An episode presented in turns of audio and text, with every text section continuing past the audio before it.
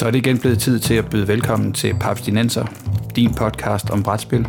Din studievært er Christian Bak petersen Velkommen til Papstinenser, din podcast dedikeret udelukkende til brætspil og moderne kortspil. Bag podcasten er står Papskubber, den danske side på nettet om brætspil, fyldt med nyheder, anmeldelser, regelhjælp, artikler og anbefalinger til, hvad jeres næste brætspil kan være. Mit navn er Christian Bak petersen og i dag har Peter og Morten fået en fridag, så kan de rigtig få spillet noget talisman. I stedet for kan jeg præsentere en mobbedreng interview, som jeg, suppleret af producer Bo, foretog i Studie 13 på Hobro Vandrehjem under dette års festival.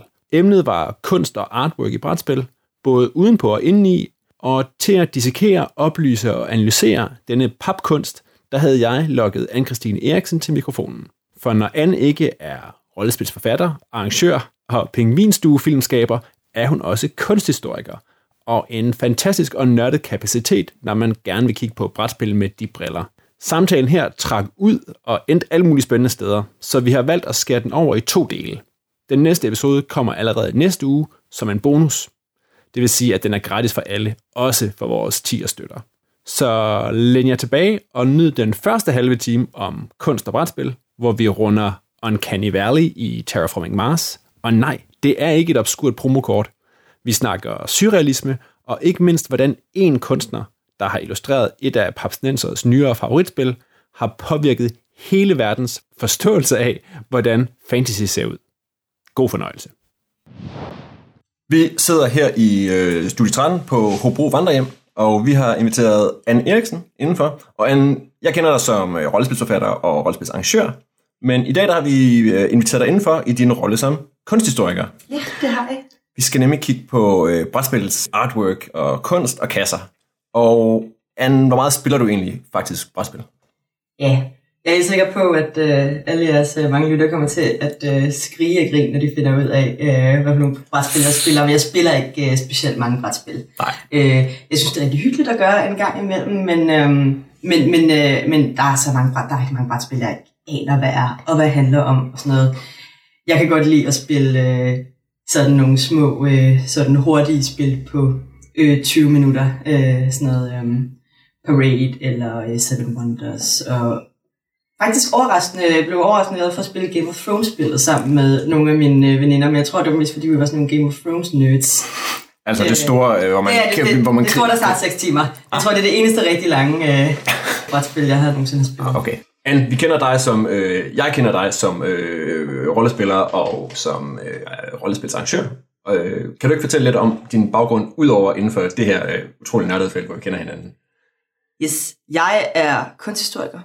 Øh, jeg har læst øh, kunsthistorie i fem år på Københavns Universitet.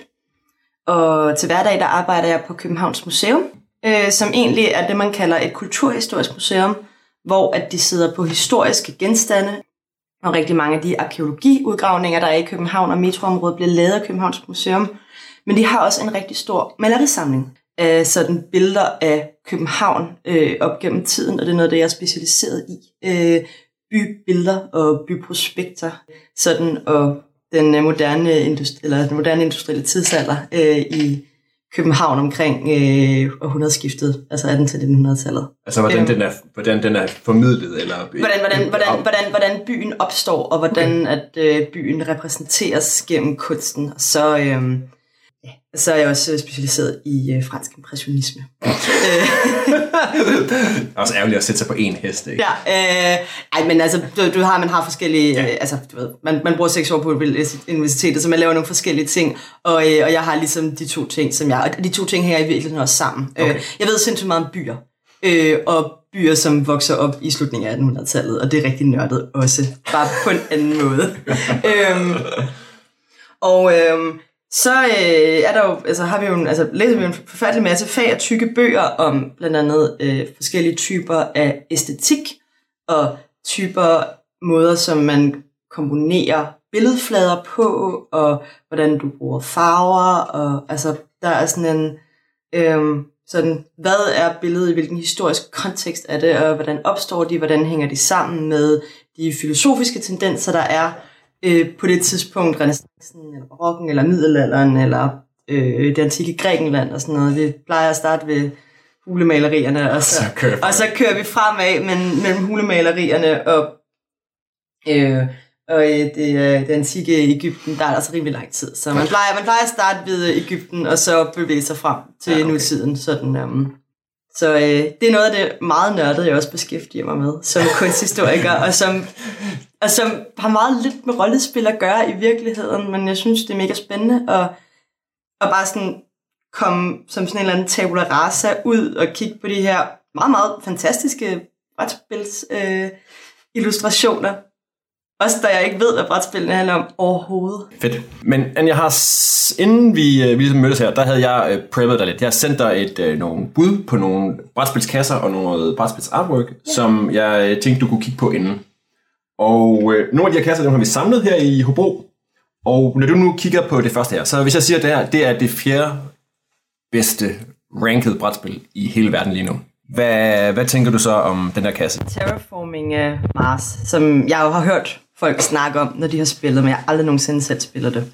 Øhm, og øh, det har nogle øh, sådan rigtig fine orange øh, farver på. Det giver god mening, fordi det har Mars, så det, er jo ikke, øh, det behøver man ikke en øh, kandidatgrad i kunsthistorie for at øh, kunne sige. Men det er egentlig et meget interessant billede, der er øh, foran øh, de to øh, astronauter. Øh, og, øh, og sådan den her øh, sådan store, store horisont, øh, der kommer der, og en lille smule by i, øh, det ligner en by i en, øh, i der er sådan en dome Ja, lige øh, i baggrunden. Ja. Øh, og den her voldsomme natur. I 1800-tallet i øh, Tyskland, der har man sådan en, øh, en romantisk bevægelse, hvor man maler sådan en masse øh, meget, meget voldsomme landskabsmalerier. Øhm, hvor du har sådan store vandfald og de dybe, tyske, mørke skove og sådan noget. Der er der som regel altid sådan en eller to relativt små figurer, der står. Og så har du det her store, voldsomme natur, der ligesom bare overvælder menneskeheden på en eller anden måde. Og jeg har sådan lidt på fornemmelsen af, at det er ligesom det, der man gerne vil med den her forside.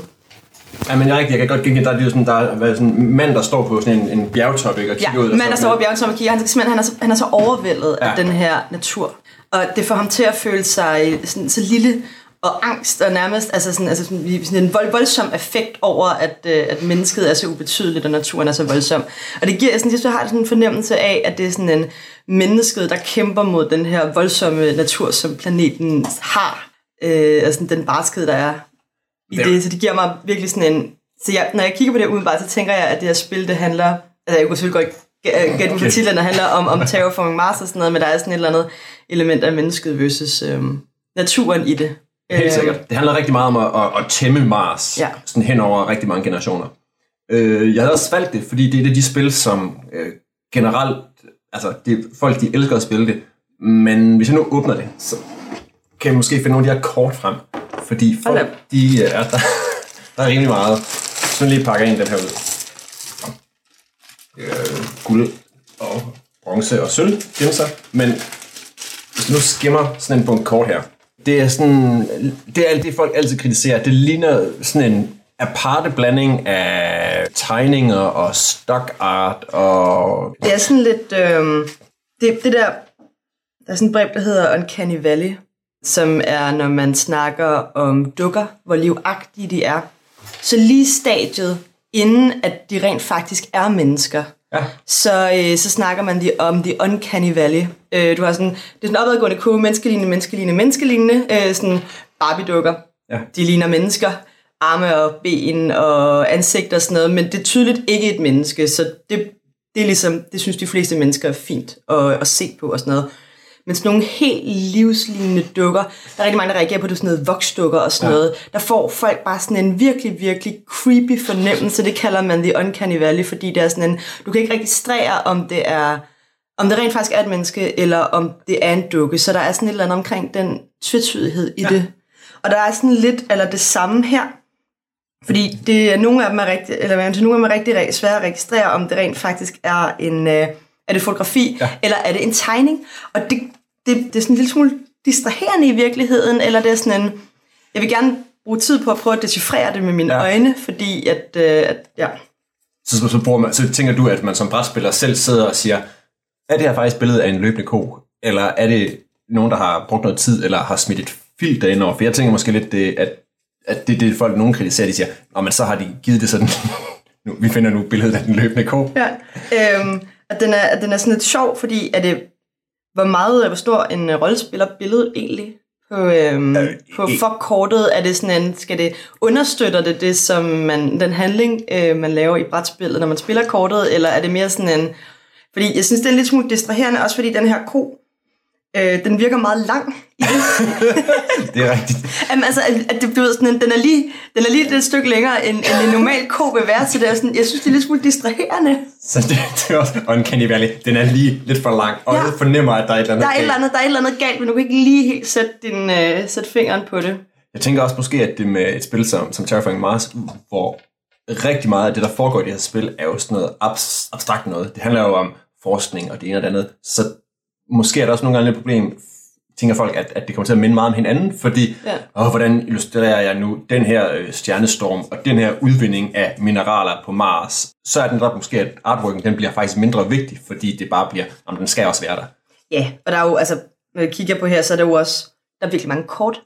Meget Og godt. hvis du skal lave et unikt billede til hver kort, så skal du også lave rigtig meget. Du bliver også nødt til at trække på en eller anden form for øh, shorthand, som fra sci-fi-filmen. Fordi det skal være lidt outlæseligt, at vi nu er i den her genre, som vi er. Og der kan man jo meget mere med de store illustrationer på, øh, på forsiden af æskerne. Hvis du nu skal lave sådan en kobling fra coveret, som vi lige sad og kiggede på, og ned til kortene, vil du sige, at på en eller anden måde, at man, vil du føle dig snydt, hvis du havde købt æsken på det, den solgte der, og du ja. så åbnede, og det her, det var kortene. Jeg tror, det, det, det ved jeg ikke, om jeg ville, men jeg tror, at hvis du hvis jeg blev bedt om at, øh, at finde ud af, hvad for en indmad, der hører til hvilken æske, Ja. så vil jeg ikke nødvendigvis gætte på, hvad de har her, fordi der er sådan rimelig meget dissonans mellem, hvad der rent faktisk så er på kortene, og hvad der er på forsiden af æsken. Og det kan du jo spørge mig på som brætspiller. Er det, er det frustrerende, når man sidder med det, og man får fornemmelsen af, at brætspillet har inviteret en til at fortælle en bestemt historie, og man så åbner den, og så, Så. og så er der lidt den her Uncanny Valley lange ko. øhm, eller, eller, eller, Er det, er det noget, man bare køber, fordi man ved godt, at der måske er forholdsvis, tit er forholdsvis langt fra ja, æske til indhold? altså i sidste ende, der er det jo, altså der, der er det jo øh, sådan, altså, designet af brætspillet. Og ikke, men, men, men altså, jeg synes jo også, at illustrationer er med til at, at være en del af design. Det er jo en del af helhedsoplevelsen, ja. når du åbner det og kigger på det. Ja, Så det er sådan et, det, det er, jeg synes, det er interessant, at der er så stor dissonans mellem, øh, mellem indmaden og, øh, og æsken. Cool. Skal vi så ikke prøve at hoppe videre, så Ja. flytter vi lige Terraforming Mars væk. Hvis jeg så hopper ned og finder det her, fordi det hedder Abyss. Hvis du nu ser den her cover, den her æske på det her forholdsvis nye spil, jeg tror det er fra 2014. Nu drejer det lige rundt. For... Nej, der var ikke noget her. Der er den samme skrift. Type. Yes. Altså, det er jo, øh, det er jo sådan virkelig, virkelig, det er meget anderledes end virkelig, virkelig meget andet brætspilsart, jeg har set. I hvert fald den bunke, du har taget med til mig her også. Altså, Ja. Alle de, de andre brætspil, der er. Øhm, det første, jeg kom her til at tænke på, det minder faktisk en lille smule om øh, en øh, Ninja Turtle. Øh, på grund af farverne.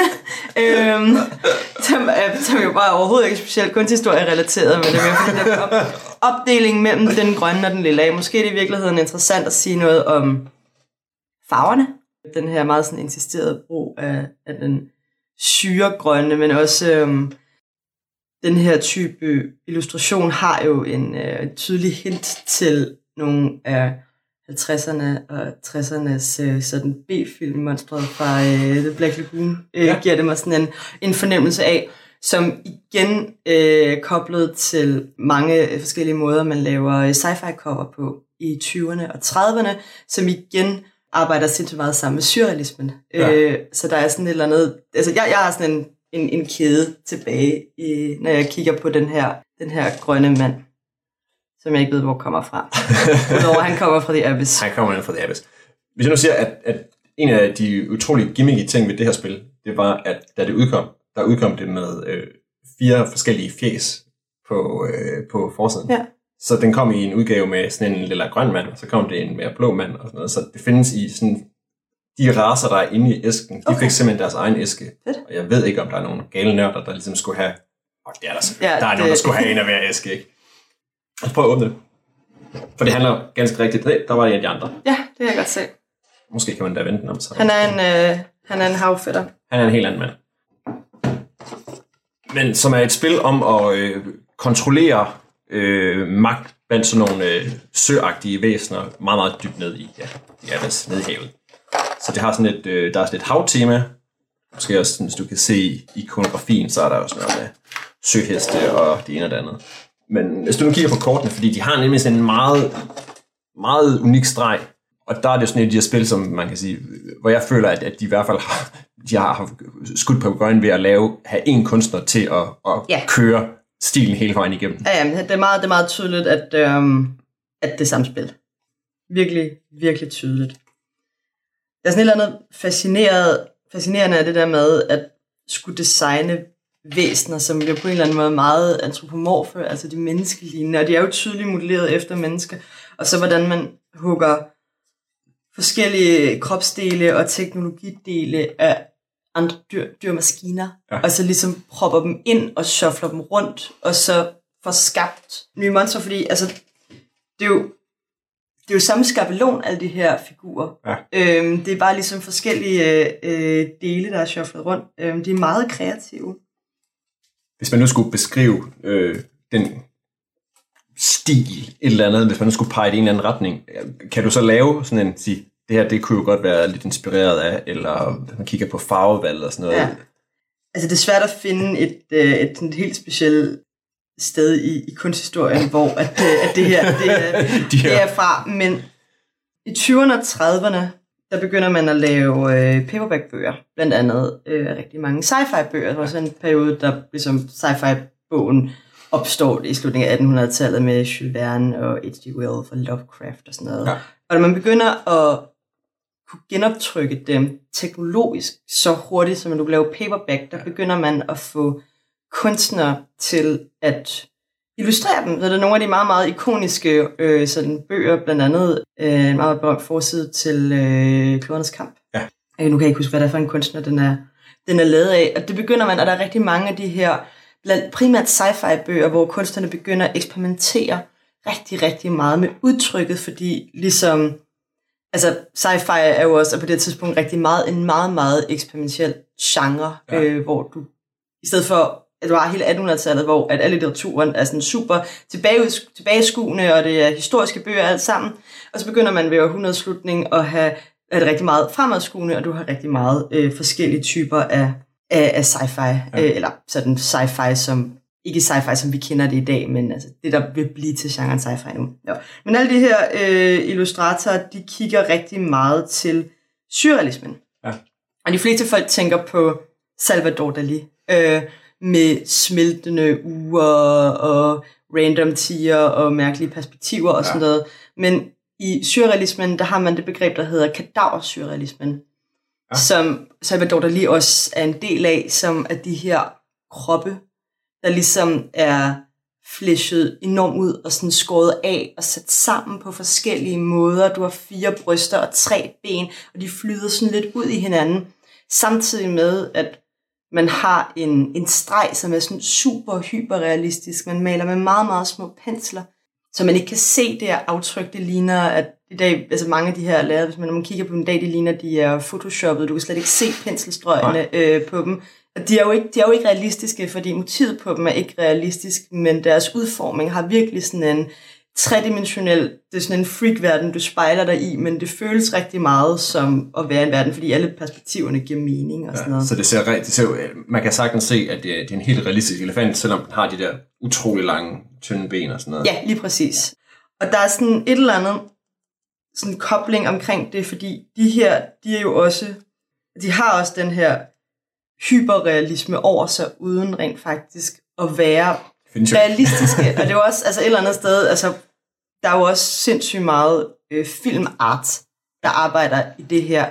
Men, men meget af det filmart, der er der arbejder i det her, det stammer også tilbage fra, fra surrealismen og generelt den periode i 10'erne og 20'erne og 30'erne, hvor man eksperimenterer rigtig meget med at skabe universer, som ikke eksisterer i forvejen. Øh, og så kan man læse det ind i sådan en historisk kontekst omkring, at øh, det er en meget krigspladet periode, og derfor så enten den ene eller den anden vej arbejder man sig ud af, af, af den verden, man nu lever i, enten ja. for at skabe et, øh, et, øh, et sted, man kan flygte til, eller som en eller anden form for øh, sådan fucked up, pervers algori over øh, det øh, destruerende samfund, ja. man lever i og sådan noget.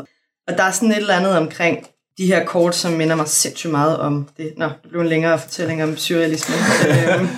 Men det er meget sjovt, fordi jeg finder jo også i et brætspil, der er rigtig mange steder, hvor, hvor, hvor på en eller anden måde, at, at kunstneren også, dem der laver artworket altså indover, også på en eller anden begynder at få et navn i det. Ja. Og det her spil, det har fik først en udvidelse, og så ravede de efter sine uklar med ham tegneren.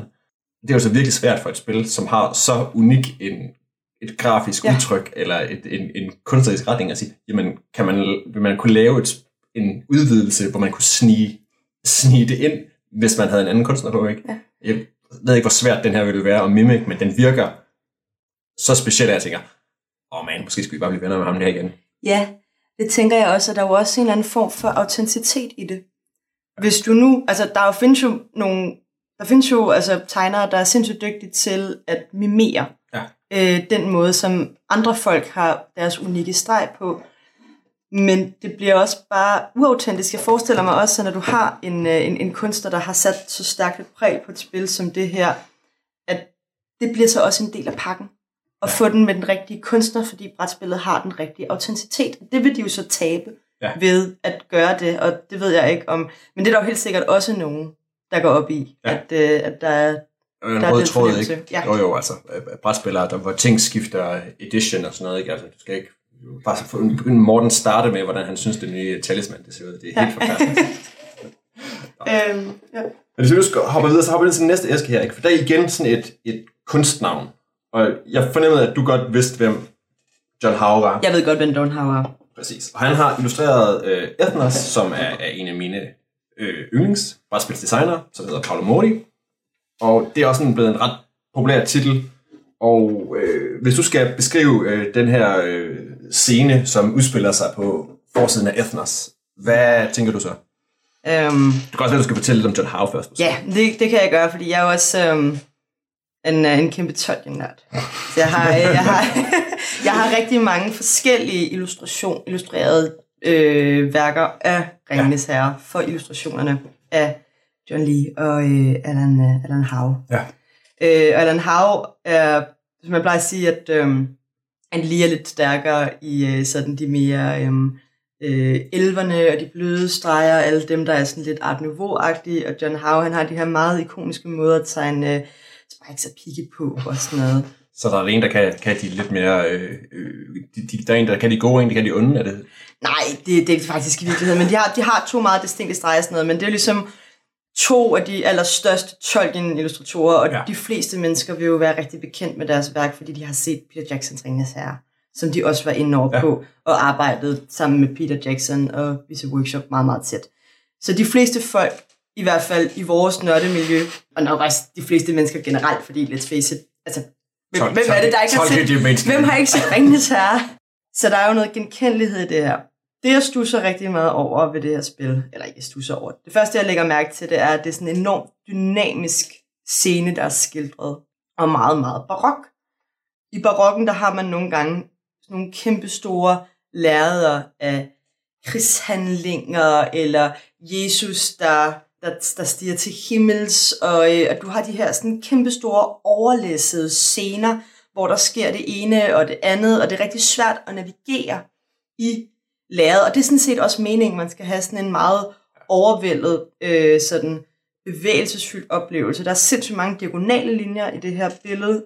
Spyd og pile og buer, også bare måden, som det, er, det virker, hvis det nu var et, øh, det virker som om det er sådan et, et tiltet kamera, hvis det nu var en, ja. en film en lille smule. Um, så man har klart en fornemmelse af, at der går diagonale linjer fra den ene side og den anden og sådan noget.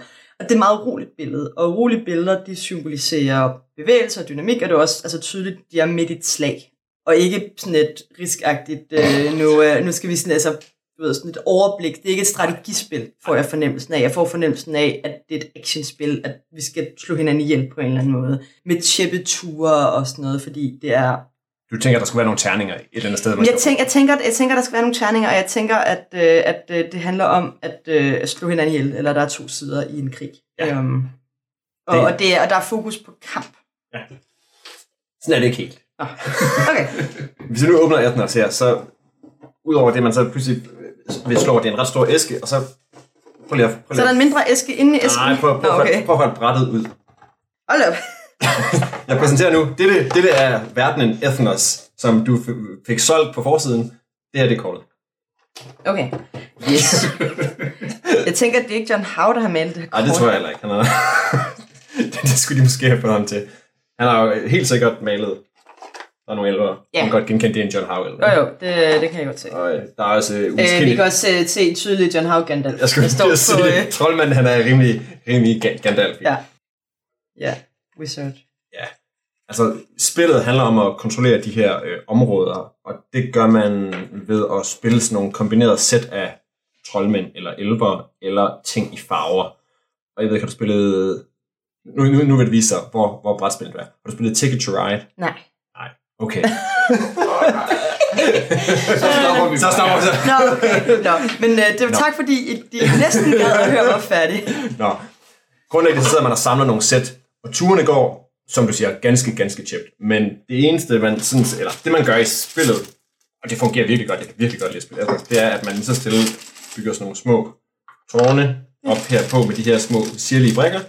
Og så en gang imellem, så kommer man sådan nogle ture, som bliver symboliseret ved, at der dukker nogle drager op. Det er alt det drama, der sker. Der, der sker ikke, dragerne gør Okay. ikke mere end afbryde turen. Og så dem, der ligesom har den højeste bunke i hvert land, som de har spillet ved at lave sådan nogle sæt, de får de point, som kommer til at ligge hernede. Øhm, Jeg lover dig, man kan ikke, man kan ikke slå en eneste ork, eller en eneste elver, eller en dværg, eller en... Der er også haflings med. jeg er en lille smule skuffet i virkeligheden. Nå, jamen, altså ikke, at øh, altså, det, det er sikkert et rigtig fint spil. Ja. Men det er bare sådan en... Det var ikke lige det, jeg forventede.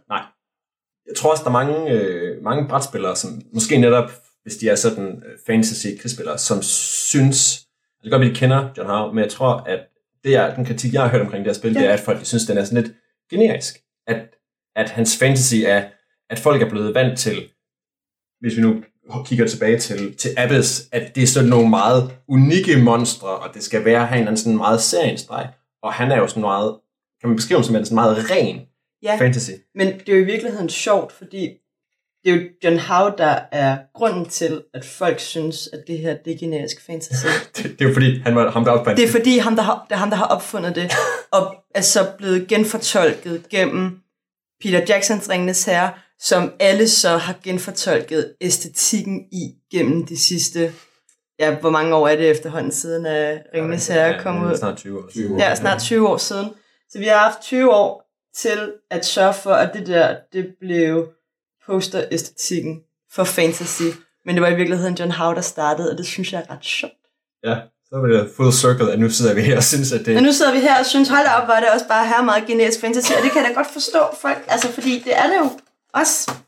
Det, det er jo sådan, og så er det jo, altså, det er jo nogle meget, det er meget gritty, og der er mørke farver, og det er også, altså, på de her sådan super travle overflader med meget sådan dynamisk linjebevægelse, så kan det også, der er ikke noget sted, at ens øje hviler, så man kigger måske heller ikke sådan super grundigt på detaljerne, fordi det er et meget lidt centraliseret billede. Jamen, jeg har faktisk også lige nu overvejet, at der faktisk også er en drage oppe i hjørnet, Ja, ja, ja. fordi der sker rigtig meget i, forvejen dernede, når kæmper og orker og Gandalf og en øh, kentaur og... Ja, det er rigtigt, der er også en kentaur. Ja, selvfølgelig. Men det er simpelthen fordi, at John Howe, han har, han har podet generationer nu Ja, på, hvordan Øhm. fantasy ser ud. yes. Okay. Altså, øh, hvordan så fantasy ud før øh, Ringnes Herre? Øh, samme år som øh, Ringnes Herre udkom, der øh, lavede øh, New Life Cinema en, øh, en anden fantasyfilm. Ja. Øh, den hed øh, Dungeons and Dragons, med Jeremy Irons med. Øh, det er en af mine øh, yndlingsfilm at drikke øl til, sammen med mine venner, øh, fordi den er rigtig dum. Hvad skal, hvad skal man drikke på? Er det, Øh, jamen, det er sådan, alle vælger ligesom deres cue, men det er meget vigtigt at drikke på drager, og hver gang Jeremy Irons tydeligt er skurken. og, er der noget med også, når han ruller øjnene over de replikker, han har? Øh, jeg tror, han grinede hele vejen til banken, fordi jeg tror, de har brugt halvdelen af budgettet på ham. Ham. Ja, den er, den er virkelig ringe. Ja. Men man, hvis man synes, at sådan noget er spændende, så skal man se den, fordi det er en helt anden fortolkning af, hvordan fantasy ser ud. Det er der meget mindre øh, sådan har ikke noget, den har ikke samme grobund i det menneskelige, den føles meget mere sådan klare farver og sådan underlige rene linjer og snit, der ikke giver nogen mening og sådan noget, hvorimod, altså den Herre fantasy, vi har, er også arbejdet sindssygt meget organisk med, at tøj skal kunne sidde, som vi, så vi tror, at de her mennesker ja. kan bevæge sig og sådan noget. Øhm, arbejder rigtig meget med sådan middelalder-æstetik også. Hvis ja. du bare ser ringene ser, så er det utroligt tydeligt, hvor det er, de får deres inspiration fra fra forskellige folkeslag og sådan noget. Det gør den her overhovedet ikke. Det skal bare se wacko ud. Det, og sådan så meget fantasy også ud dengang. Altså ikke fordi der var så mange fantasy. Var der Willow og Princess Bride måske lidt. Ja. Altså, men, men altså, det er bare ikke fantasy, som vi koder det i dag, men nu har vi kodet det til John Howe, og nu sidder vi og snakker om, hvorfor at han laver generiske fantasy-forsider. Ja, men det er jo sjovt, vi har jo nogle gange i, i, i Parsnenser, når vi sådan har snakket noget, så snakker vi jo det der med Britpunk kontra den sådan amerikanske fantasy-stil, ikke? hvor den netop måske er mere chainmail bikinis, og vi skal også have sjove læderrustninger med pigge og ja. spikes og sådan noget, mens at det andet, det er lidt mere uh, down and dirty, og måske også lidt mere realistisk. Ja. Men uh, fin, fin cirkel på John Howe, ja. og uh, så kan folk finde deres eget uh, druk cue på Dungeons Dragons film. Ja, man skal virkelig se den. Altså bare sådan gense den, fordi det er, det er simpelthen fantastisk. Jeg elsker det. Tak til Anne for første runde. Vil du høre mere, så afslutter vi samtalen om brætspilskunst i næste uge, skråstreg episode. Find links og billeder af de nævnte spil på papskår.dk-podcast, og kom gerne med bud på jeres favoritter eller hadebrætspilskunst over på Facebook, eller giv os indspark til spil, som godt kunne bruge øh, den kunsthistoriske behandling. Jeg vil ikke udelukke, at vi kan logge an til brættet igen, hvis der er interesse for det. Og med det så er vi færdige af denne episode af Papsnenser. Tjek gerne Papsnenser på tier.dk, hvor du kan støtte podcasten med en tier, eller et andet beløb per episode, hvis du har lyst. Husk, at hvis du joiner os på tier, så har du mulighed for at komme til at bestemme indholdet af en Papsnenser episode. Det var alt for denne gang. Papsnenser er produceret af Bo Jørgensen og Christian Beckmann. Jeg hedder Christian Petersen og var i denne episode flankeret af Anne-Christine Eriksen, og på vegne af Papsnenser siger jeg tak, fordi I lyttede med.